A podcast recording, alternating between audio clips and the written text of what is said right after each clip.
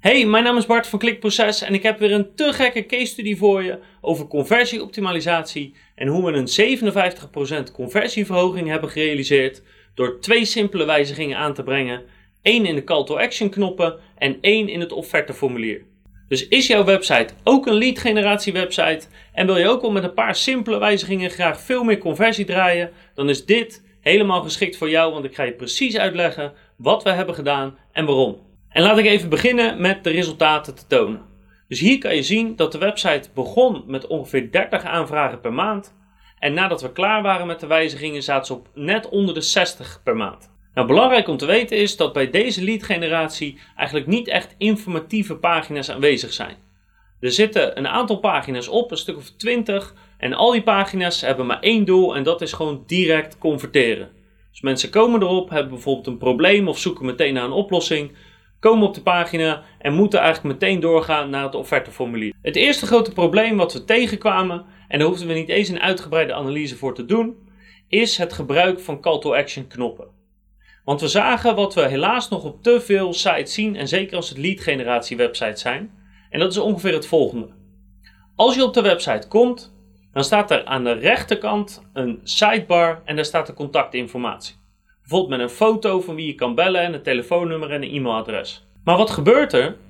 Eén, op mobiel wordt die sidebar vaak niet getoond. Dus op mobiel is het heel moeilijk om contact op te nemen.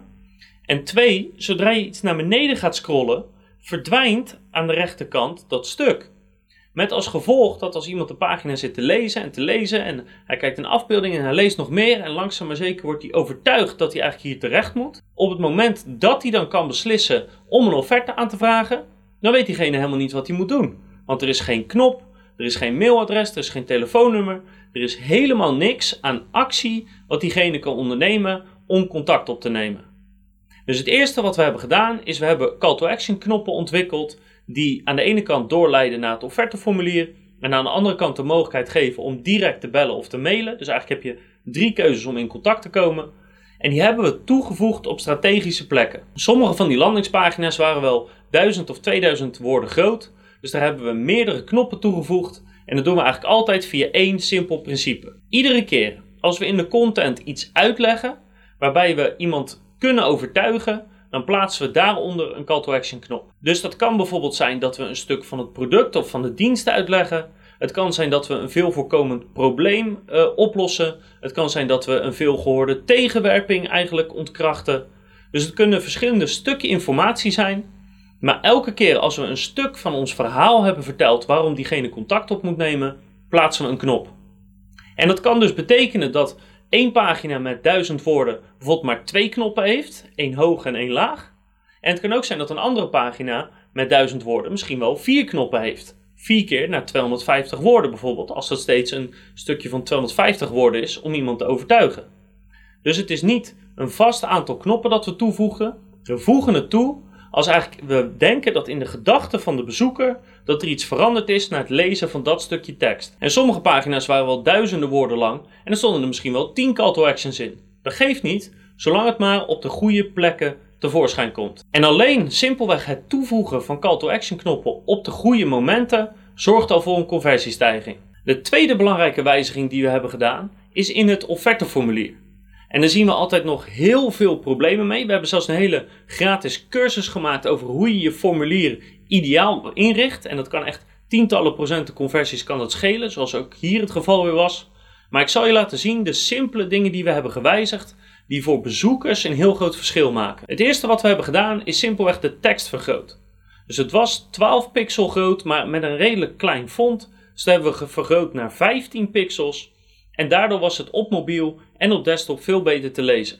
Een simpele wijziging die grote effecten kan hebben. En als jouw doelgroep de oudere is of dat het naar wat hogere leeftijd gaat, dan wordt dat alleen maar belangrijker.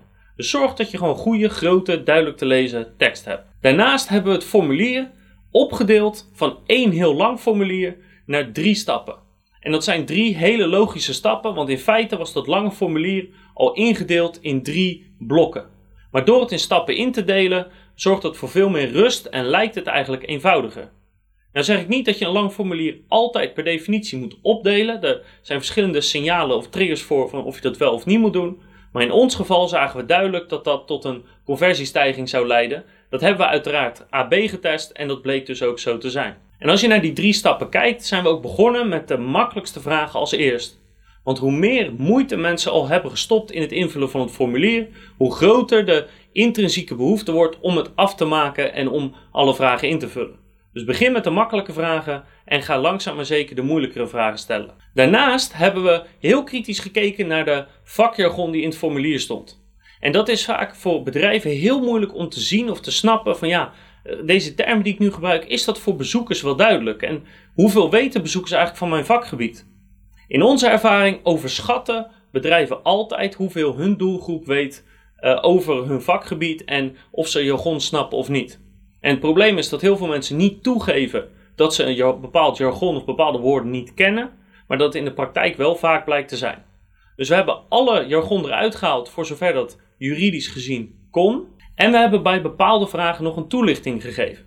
En in dit geval was het telefoonnummer en het e-mailadres verplicht, wat op zich al voor veel formulieren raar is.